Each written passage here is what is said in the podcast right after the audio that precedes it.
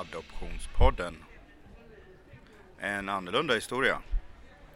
Du lyssnar på podcastdokumentären De stulna barnen, del 1, fall nummer 74.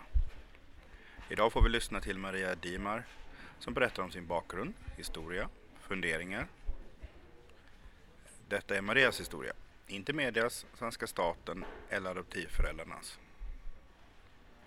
Efter att ha lyssnat till Marias historia kan då någon normal människa tycka att adoption är något positivt. Maria Dimas historia börjar på ett sjukhus i den chilenska staden Lautaro eh, 3 juli 1975. En liten flicka föds på Lautaro. Direkt efter födseln tas hon från sin mamma för att adopteras bort till Sverige. Den lilla flickan, som nu är en vuxen kvinna, besöker sin hemstad för första gången i vuxen ålder 1998 Maria återkommer även till Lautaure 2004 tillsammans med sin man och sin nyfödda äldsta son.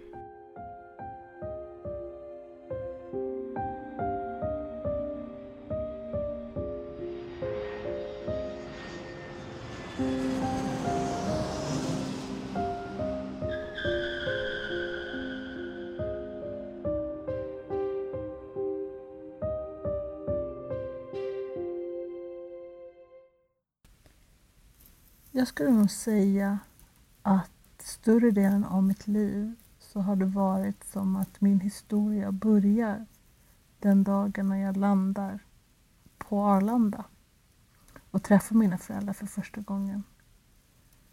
För det är egentligen bara från den tiden som jag vet någonting om vad som har hänt. Um, på den tiden Eh, var det så att eh, vi barn flögs till Sverige från Chile eh, tillsammans, i, eller i sällskap då med en flygvärdinna. Eh, jag kom samtidigt som tre andra barn. Vi var två flickor och två pojkar. Eh, och det var två flygvärdinnor som hade hand om oss fyra.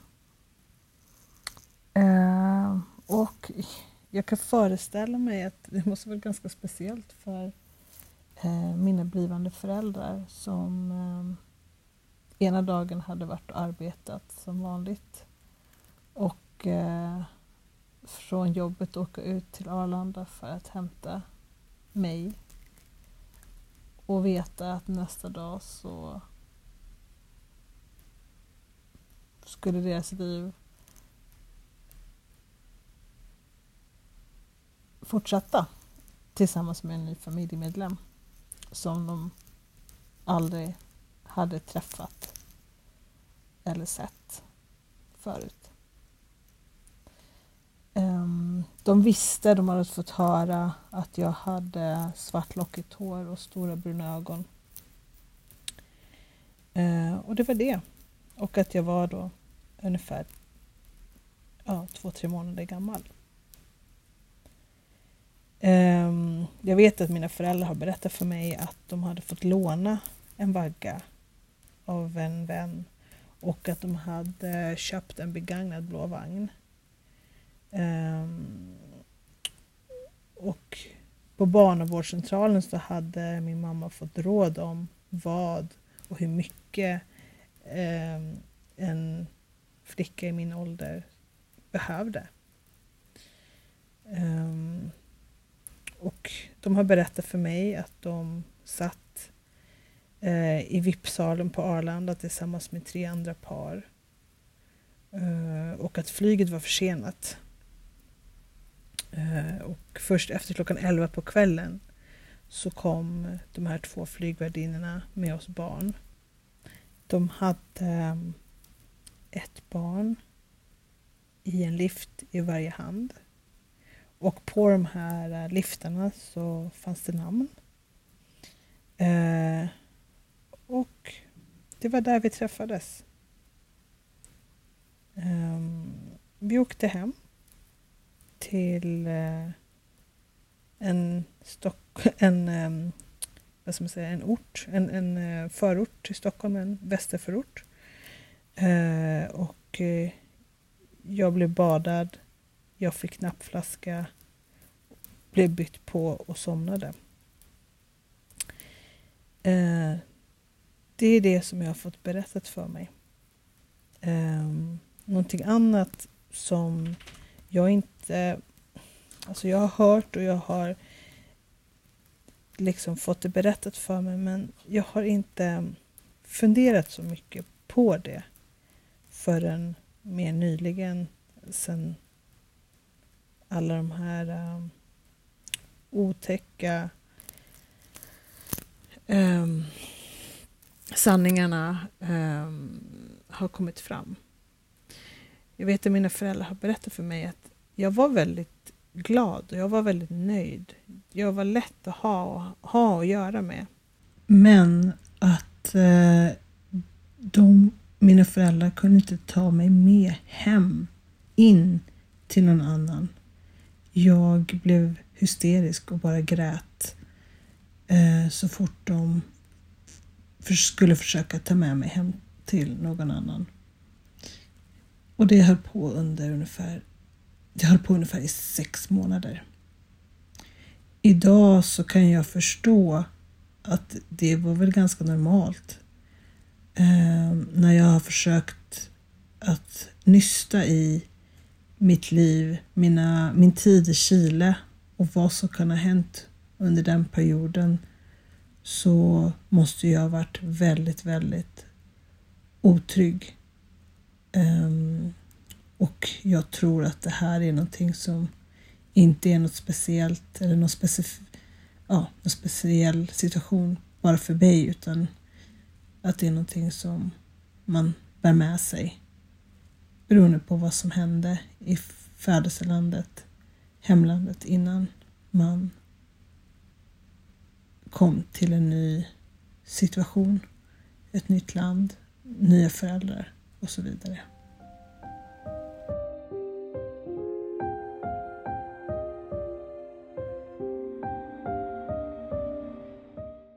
Ett brev från den svenska adoptionsbyrån till föräldrar som fått barn från Chile till Sverige för att adoptera. Citat. De små barn som ni just fått från Chile följs av fler tankar än ni kan göra er en föreställning om.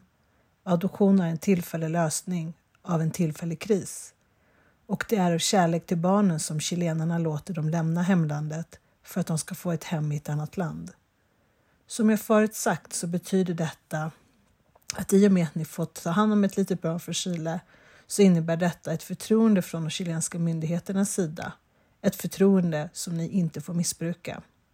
Anna Maria Emgren har inför alla dessa myndigheter, socialassistenter, domare, fostermammor det reella och praktiska ansvaret för att varje barn som genom hennes och Adoptionscentrums försorg får ett hem i Sverige verkligen blir älskat och mottaget av alla i sin släkt och sin omgivning. Jag ber er därför att än en gång att ni respekterar vårt gemensamma ansvar inför alla de som låtit er få detta barn i er vård genom att en gång i halvåret till Chile rapportera om ert barns välbefinnande. Rent praktiskt ska ni alltså vid första möjliga tillfälle direkt till mig på kansliet skicka bilder av ert barn med släkt och omgivning, med andra barn, med mor och farföräldrar eller andra släktingar. Sätt in bilderna i plastpärmar med barnets namn på varje bild. Post i Chile kommer tyvärr ofta bort, men jag ser härifrån till att bilderna kommer fram med någon som reser till landet.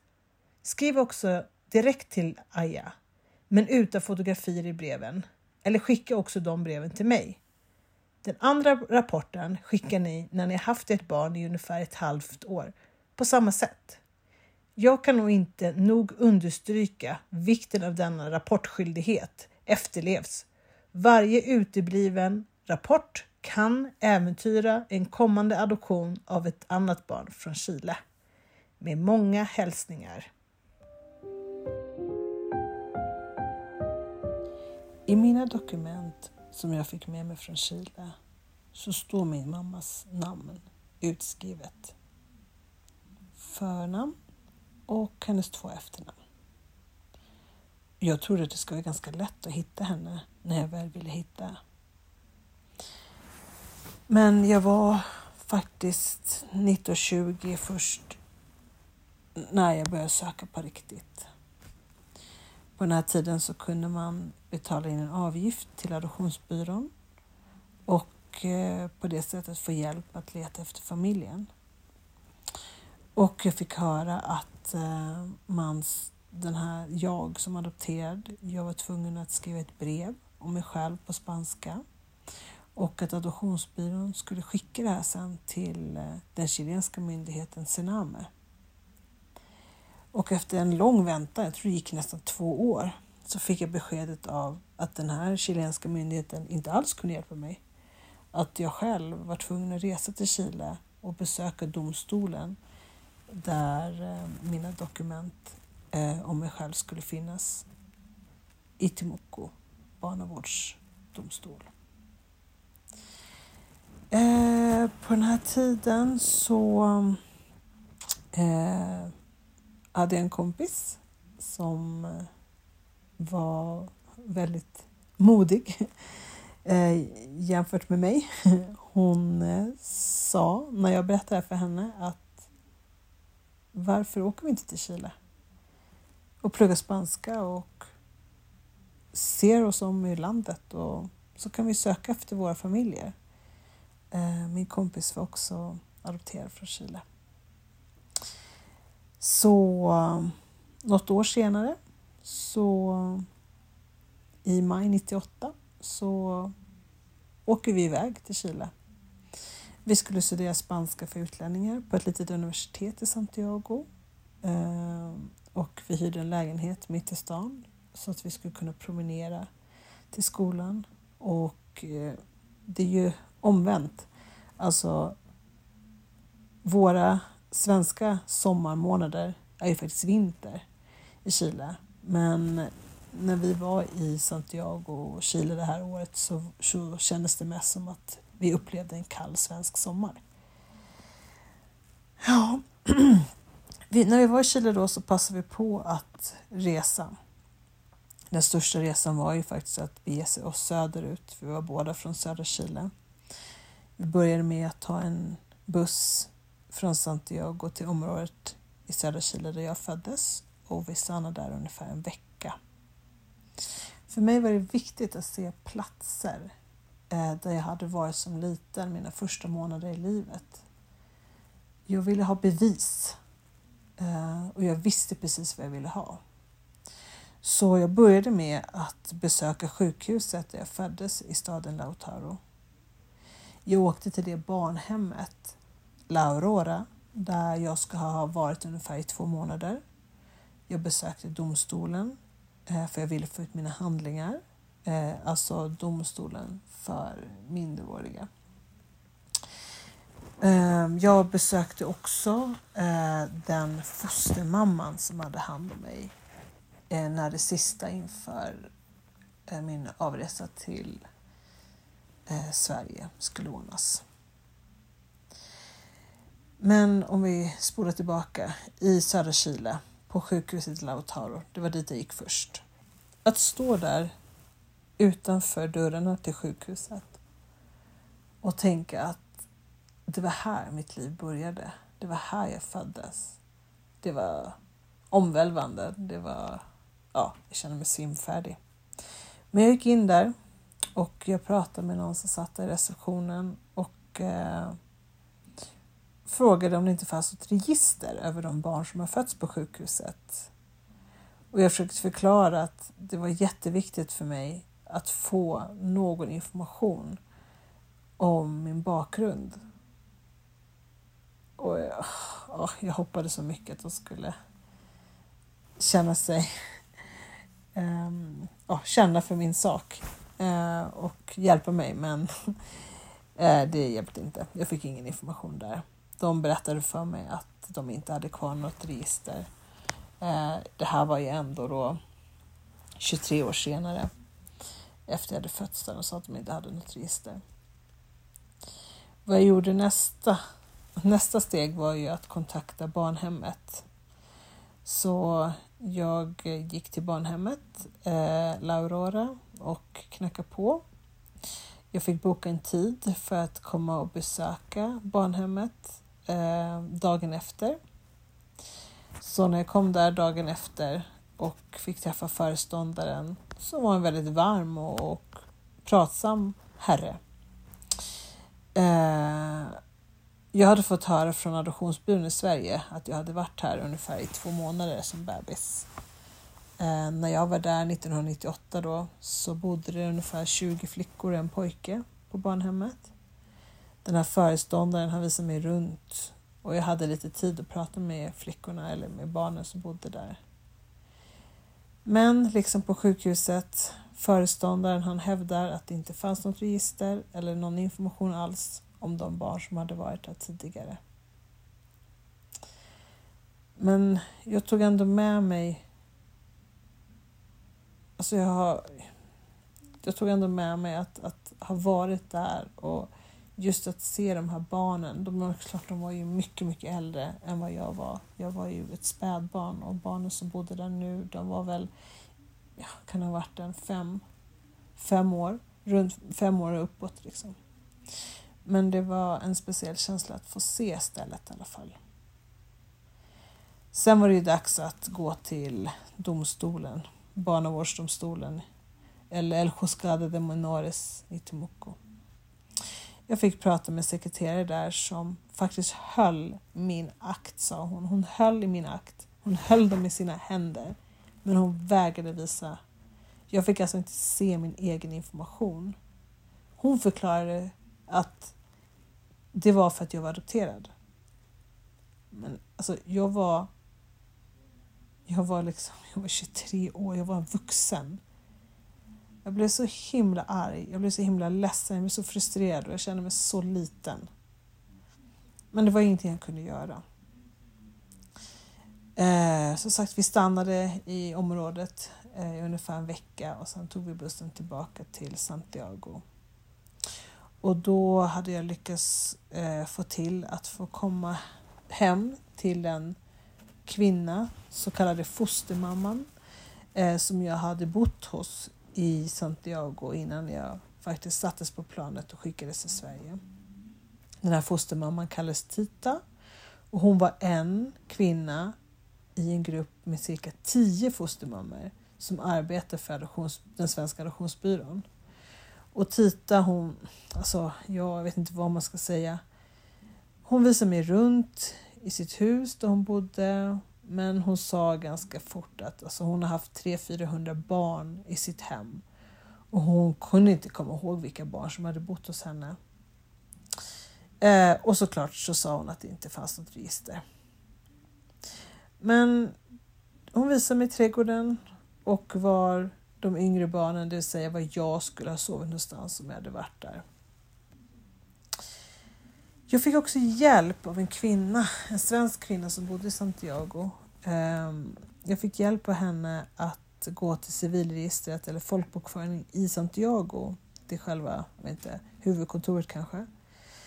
Ehm, hon lyckades faktiskt snacka, snacka sig in och eh, vi fick komma där och få information liksom lite bakom kulisserna. Och då fick jag plötsligt höra att jag har fler syskon. Eh, alltså jag hade ju alltid trott att jag inom situationstecken bara hade en storbror. Men nu fick jag höra att jag hade totalt fyra syskon i Chile. Och eh, att min mamma fortfarande bodde kvar i södra Chile. Men jag fick inga adresser eller namn. Men jag fick veta att de fortfarande var i livet. Vi är 2200 svenska Chileadopterade i Sverige som föddes på 1970 till 1990-talet.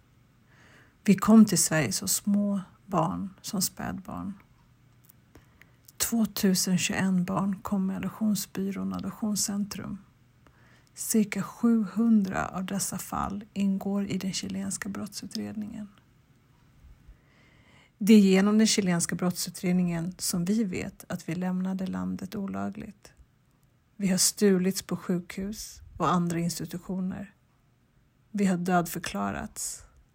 Våra första föräldrar har lämnat bort oss efter hot och påtryckningar. Våra första föräldrars underskrifter saknas eller har förfalskats. Våra födelsebevis är falska. Vi har lämnat Chile med falska papper. Sedan hösten 2019 undersöker brottsutredarna våra fall individuellt. Mitt fall är fall nummer 74 i grupp 1. I de chilenska registren ser det ut som om vi aldrig har lämnat landet. Vi har chilenska identiteter, som vilken chilenare som helst. Vi är medborgare, kan begära ut pass och ID-kort och vi har rätt att rösta. I Chile. Januari 2003. Jag har en kompis som är född i samma lilla stad som jag är född i. Eh, det är en stad som heter Lautaro. Eh, vi har känt varandra sedan 1998. Eh, och eh, i januari 2003 så ringde hon mig för, och var så glad. Hon hade genom den här tv-produktionen Spårlöst försvunnen eh, som då gick på TV3. Genom dem så hade hon fått tag i en chilensk journaliststuderande och hennes kontaktuppgifter. Och eftersom jag pratar spanska så ville hon att jag skulle kontakta den här tjejen i Chile och höra om hon skulle kunna tänka sig att kika på våra fall. Eh, den här tjejen, den här kvinnan, heter Anna Maria Olivares. Eh, hon är faktiskt lika gammal som mig. Jag har länge sett henne som äldre, men vi är faktiskt jämngamla. Eh, vi skickade våra dokument till Anna Maria och efter två, tre veckor så hade hon hittat min första mamma. Och jag vill verkligen understryka att tre veckor, två, tre veckor, det var extremt snabbt. Jag hade aktivt sökt efter min första mamma i sex år. Och jag hade rest till Chile två gånger. Um, så det här var verkligen otroligt. När jag fick mail om att hon, Anna-Maria väl och noga visste att hon hade hittat min första mamma. Eh, hon, Anna Maria Olivares hon har en farbror, en man som då var i 50-årsåldern som eh, inte bodde så jättelångt borta från den stad där min mamma bodde nu. Eh, och och eh, Anna Maria frågade mig om jag var okej okay med att eh, hennes farbror skulle kunna åka ut till min mamma. Eh, och det ville jag ju mer än gärna.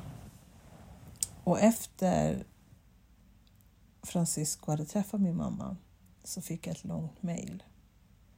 Jag tänker läsa upp delar av det mejlet som jag fick nu. Så här skrev Francisco. I den här delen av berättelsen kommer jag försöka vara så objektiv som möjligt så att du själv kan forma din egen åsikt om detta. Till en början så berättar din mamma att när du föddes så fick hon inte ens se dig eftersom hennes arbetsgivare Olga tog dig ifrån henne och ordnade med överlämnandet. Din mamma fick aldrig veta var du hade tagit vägen. Olga bor fortfarande i Lautaro, i den stad jag föddes.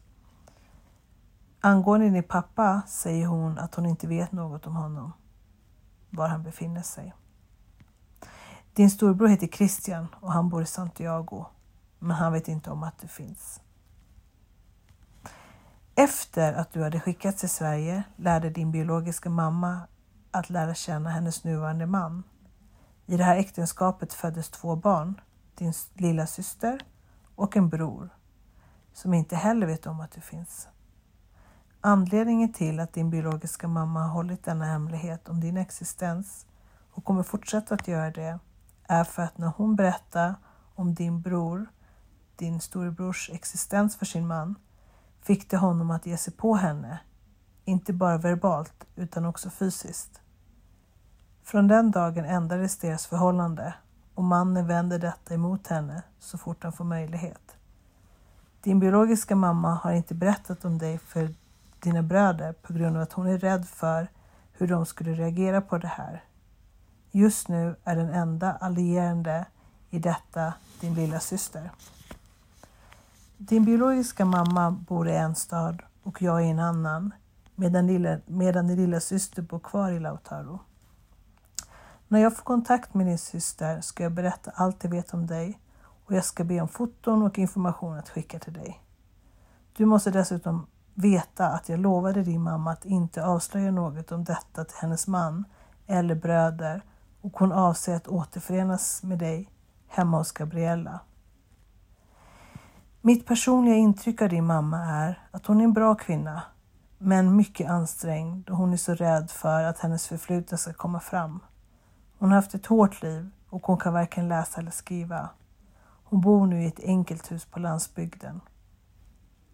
Ibland besöker hon sin dotter i Lautaro. Hon har ingen kontakt med sina söner sedan flera år tillbaka och tyvärr är hennes relation till hennes man inte den bästa. Att läsa det här mejlet från Francisco även idag är omtumlande. Jag har alltid vetat om att jag hade en storebror och nu fick han ett namn. Och sen fick jag reda på att jag har två syskon till.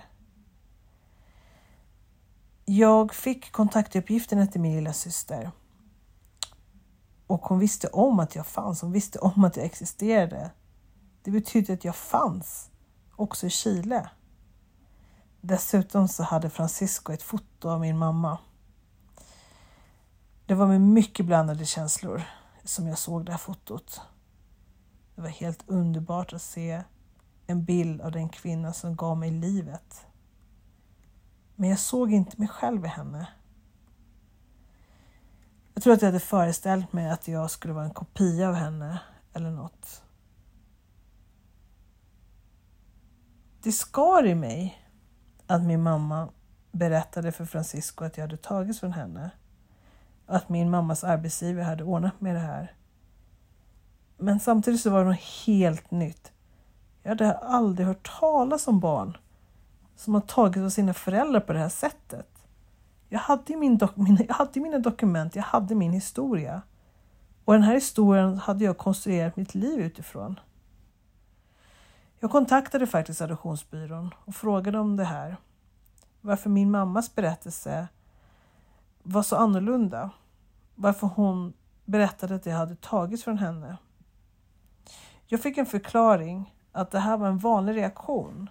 Att den biologiska familjen ofta reagerade precis så här för att de kände skuld och skam. Jag tänkte då att jag skulle nog få veta mer om det här längre fram. Men nu hade jag hittat min mamma och en syster. Allt som har framkommit de här senaste åren i och med att man uppmärksammat olagliga adoptioner eller oegentligheter i samband med adoption har fått mig att fundera väldigt mycket på vad man har för rättigheter som adopterad. Vad finns det för instanser som man som adopterad kan vända sig till? Var kan man hitta stöd? Är det rimligt att jag som adopterad, jag som föddes i Chile och kom till Sverige som knappt tre månader gammal bebis, att jag på något sätt skulle kunna ha koll på vilka omständigheter som fanns bakom. Är det rimligt att jag som adopterad ska själv kontrollera uppgifterna och mina dokument? Är det rimligt att jag ska undersöka och ligger det här på mig? Jag fyller 45 år om några månader. Jag serverades en historia i de här papperna jag hade med mig från Chile. Jag serverades en historia. Jag litade på den. De få uppgifter som jag hade om min bakgrund var väldigt, väldigt viktiga för mig i min process att skapa min identitet. Och som jag har berättat så började jag söka min historia, min bakgrund, min familj på allvar när jag var 20 år gammal. Och jag kan säga att det har tagit nästan 25 år att pussla ihop det här. Är det verkligen rimligt? 25 år. Det är ju mer än halva mitt liv. Jag har hittat en pusselbit där, jag har hittat en annan där, jag har kommit in i återvändsgränder, jag har fått hopp, jag har blivit besviken. Och det är mycket som har hänt på den här vägen under de här 25 åren. Jag startade en så kallad röttersökning 1996. Och på sju år så var det inom situationstecken omöjligt att hitta min familj i Chile. Hur kan det vara så att man har så lite att gå på, man har inga rättigheter som adopterad, att det ska ta sju år. Och inte nog med det, att, att jag hittade min familj överhuvudtaget berodde på att jag råkade få kontaktuppgifter till en journaliststuderande i Chile. En journaliststuderande som mycket enkelt och väldigt snabbt kunde hitta min mamma, som kunde hitta min historia. Och då som sagt, då hade jag redan själv varit ute. Jag hade letat i nästan åtta år. Och som kanske har framkommit här i min berättelse så har det på senare år kommit fram mer och mer uppgifter. Inte i form av nya fakta alltid, utan att jag fått reda på att det som jag har trott på inte har stämt. Och det har gjort att jag behövt leta och ta reda på mycket mer. För jag har en sanning som jag har levt med i 20 år och sen kommer en annan sanning fram. Och då måste man ju undersöka och väga vad stämmer, vad är vad i allt det här. Jag har berättat om att jag i februari 2018 skrev ett långt e-mail och förklara min situation som exempel och svenska Chileadopterades situation generellt i Sverige. Jag skickade det här brevet till brottsutredaren Mario Carossa och bad om hjälp. Jag var desperat, jag visste inte vad vi skulle göra. Och jag hade turen och kanske inte bara turen utan också att jag möttes av en med medmänsklig syn, medmänsklig perspektiv på det här. Jag eh, fick upprättat en kontakt med brottsutredarna i Santiago och de har varit väldigt pedagogiska, väldigt eh, hjälpsamma. Eh, de har varit lyhörda. De har varit transparenta. För som de uttryckte det, vi har varit med om så mycket att vi förtjänar inget annat än att få stöd och få vår sanning. Och när jag som sagt har ägnat mig de här 25 åren till att försöka spåra, försöka hitta, försöka förstå min historia så har jag fått hjälp med pusselbitar. Jag har suttit med brottsutredaren i Santiago och de har haft varenda dokument som finns kring mig som har förvarats i barnavårdsdomstolen i Timuco men som jag själv har blivit nekad. Um, jag har sökt de här dokumenten sedan 1998. Senast 2018 när jag var i domstolen i Timuco för att be om mina egna dokument så sa de till mig att de hade försvunnit, att de inte fanns. Jag ringde och pratade med brottsutredarna i Santiago efter det. Och de sa, ge oss lite tid, vi löser det här. Inom några dagar så fick jag ett meddelande från brottsutredarna. De hade ringt till barnavårdsdomstolen i Temuco och beställt ut mina, min akt, mina dokument. Vilket de på domstolen hade gjort. De hade hittat mina försvunna papper. De hade hittat min adoptivbrors papper och de hade skickat det till brottsutredarna i Santiago. Jag blev lovad att de skulle gå igenom de här med mig nästa gång jag kom.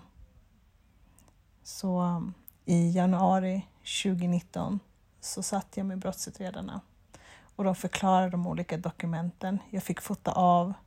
Jag fick eh, bekräftat, jag fick så mycket uppgifter om olika små detaljer som betyder väldigt, väldigt mycket som jag aldrig ens hade kunnat gissa.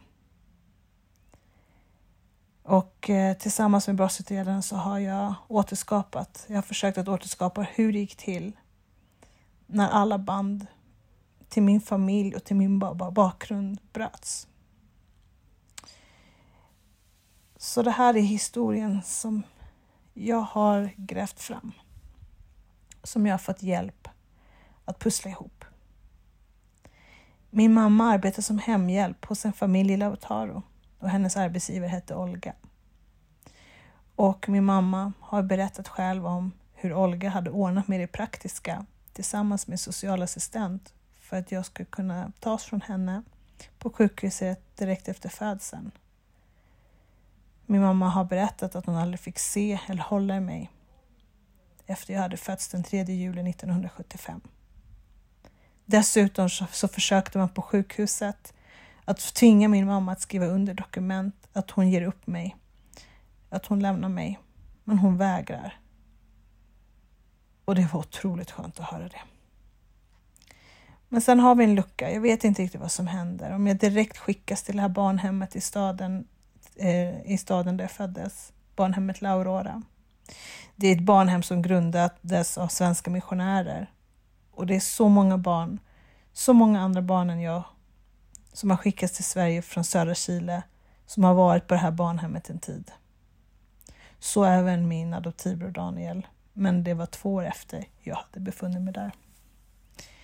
Det finns ett dokument som jag har fått tag i genom den chilenska brottsutredningen där socialassistenter i Lautaro påstår att min mamma själv kommer tillbaka till mig, tillbaka med mig till Lautaros statliga sociala myndighet på sjukhuset för att lämna över mig och då skulle jag ha varit en vecka gammal.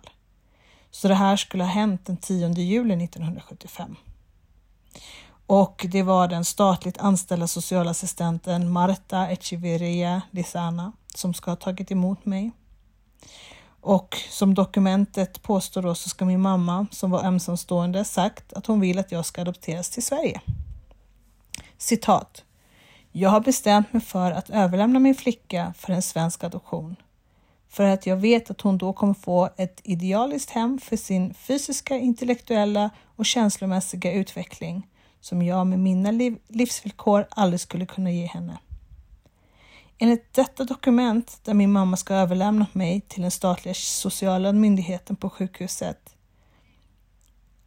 Men de har redan tagit mig från min mamma en vecka innan. Och de här människorna, de här kvinnorna har dessutom glömt, inom situationstecken, att fylla i min mammas ID-nummer. Man har bara lämnat ett blankt utrymme där hennes ID-nummer skulle stått. Och vi vet faktiskt inte idag om de har gjort det för att hennes ID-nummer, enligt det ID-numret så skulle hon bara varit 16 år när det här hände. Och 16 år i Chile så är man omyndig. Och är man omyndig så måste ens föräldrar skriva under. Eller så kanske det var så att man helt enkelt inte brydde sig om den här detaljen. För man utgick ifrån att ingen någonsin skulle bry sig eller titta närmare på det här. Sen så vet jag vad som händer nästa gång. Nästa datum jag har är den 18 augusti. Då kommer den svenska adoptionsbyråns svenska representant. Hon bor i Santiago och hon reser ner till Lautaro för att registrera mig. Och hon registrerar mig i folkbokföringen. Och i det här födelsebeviset som då blir utfärdat så står jag som föräldralös och jag har ett helt svenskt namn. Och samma dag som det här beviset utfärdas så lämnar den här svenska kvinnan in ett dokument till domstolen för att få tillfällig vårdnad om mig medan hon förbereder det som ska ordnas innan jag kan skickas till Sverige för att bli adopterad. Och domaren Titiana Roman Beltramin i Temuco eh, i domstolen, hon ger den svenska adoptionsbyråns representant tillfällig vårdnad om mig och tillstånd att ta mig ut ur landet för att bli adopterad i Sverige. Nästa fasta datum jag har är den 29 augusti.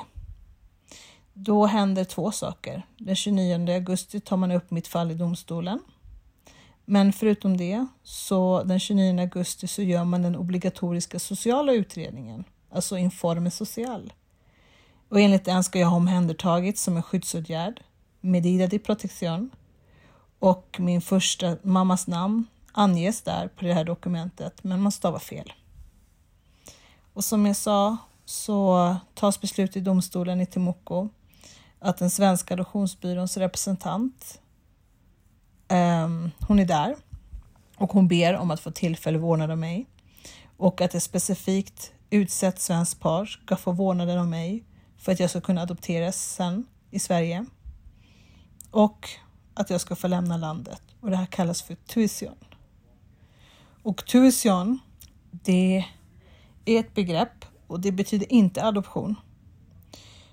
Eh, men tuition betyder att det är någon som får vårdnaden om ett barn. Den här processen som jag precis har beskrivit, att ett ehm, födelsebevis utfärdas ehm, tio dagar innan man tar upp fallet i domstolen och samma dag så görs en socialutredning. Det är det som man kallar för tuition express. Man kör igenom en process i expressfart, vilket inte var tillåtet alls. Hade det här gått rätt till, om det är ett, en förälder som inte kan ta hand om sitt barn, så söker föräldern upp en social myndighet, berättar om sin situation, så barnet skrivs in i systemet. Man gör en socialutredning. Och efter den här socialutredningen har gjorts så ska det gå fyra månader. För det kan ju hända saker på vägen. Det är inte ovanligt i Chile att en eh, ung mammas föräldrar går in och eh, hjälper till. Ehm, det kanske är så att mamman får ordning på, eh, på arbete och försörjning. Det kan hända mycket på fyra månader, men man vill att det ska gå fyra månader. När de här fyra månaderna har gått så kan fallet tas upp i domstol. Då kan mm, någon annan ansöka om att bli fosterförälder för barnet som då finns i systemet. Och fosterförälder, det, en fosterförälder utses, eller fosterföräldrar utses och man är fosterförälder i två år. Om barnet är under sju år så är det en tidsperiod på två år som man är fosterbarn hos fosterföräldrar. Och sedan efter de här två åren så kan föräldrarna ansöka om att få adoptera barnet. Är barnet över sju år så ska fosterföräldrarna ha barnet, fosterbarnet hos sig i, i um, fyra år och sen kan de ansöka om att få adoptera. Men vad var det som hände i mitt fall? Jo, den här processen gick väldigt fort. Ehm, jag var bara två månader när allting var klart. Eh, själva det juridiska. Vad som sen skulle göras var att ehm, jag skulle tas till Santiago. Jag skulle undersökas av den så kallade ehm, adoptionsbyråns egen läkare, en militärläkare, Claudio. Um, och det skulle utfärdas pass, det skulle utfärdas utresebevis. Uh, och jag har berättat om de här uh, dokumenten förut, men lite snabbt kan jag säga att um, mitt pass utfärdats av en kvinna som arbetar på passmyndigheten i Santiago. Hon är brottsmisstänkt redan 1975 så hon kan inte göra mitt pass i Santiago utan hon reser två timmar till en helt annan stad, Rancagua, eh, där hon eh, utfärdar mitt pass. Eh, och eh, där står det att jag bor på en gata som heter Independencia 769. Vilket då var och även idag är en affärsgata. Så det är ett kontor. Där var det ingen som bodde. Jag har aldrig varit i Rancagua. Eh, hon, men hon utfärdade det här passet. Eh, på ett annat papper, mitt utresebevis där jag är heter det, befriad från skatt på min resa, så står det att jag bor på en adress i Santiago. Eh, är man adopterad från Chile så känner man oftast till den här. Den adressen är Monsignor Müller 38 i Santiago. Så jag har, jag har tydligen bosatts på två ställen samtidigt.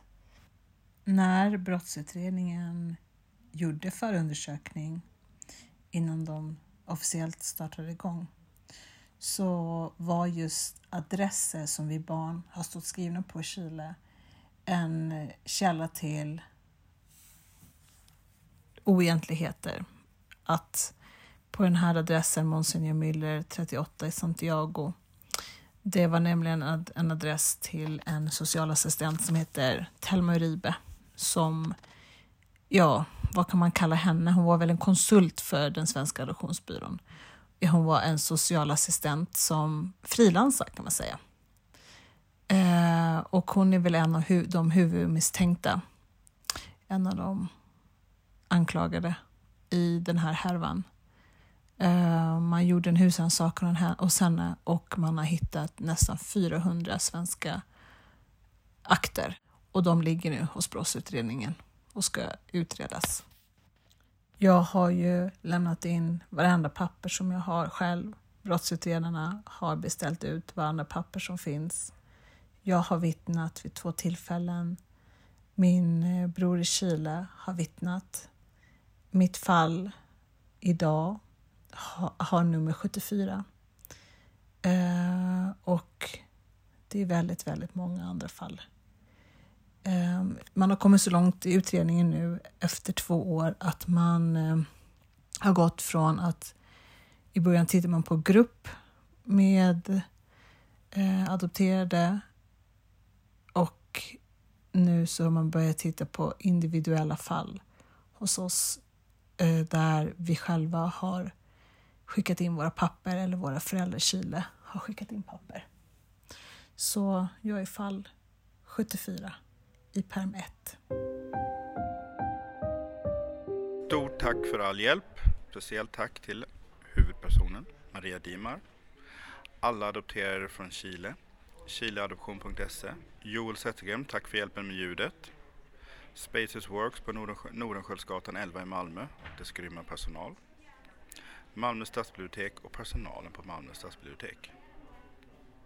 Inom kort kommer även en engelsk och en spansk version av del 1, fall nummer 74, samt del 2 och 3 av De stulna barnen, fall nummer 74.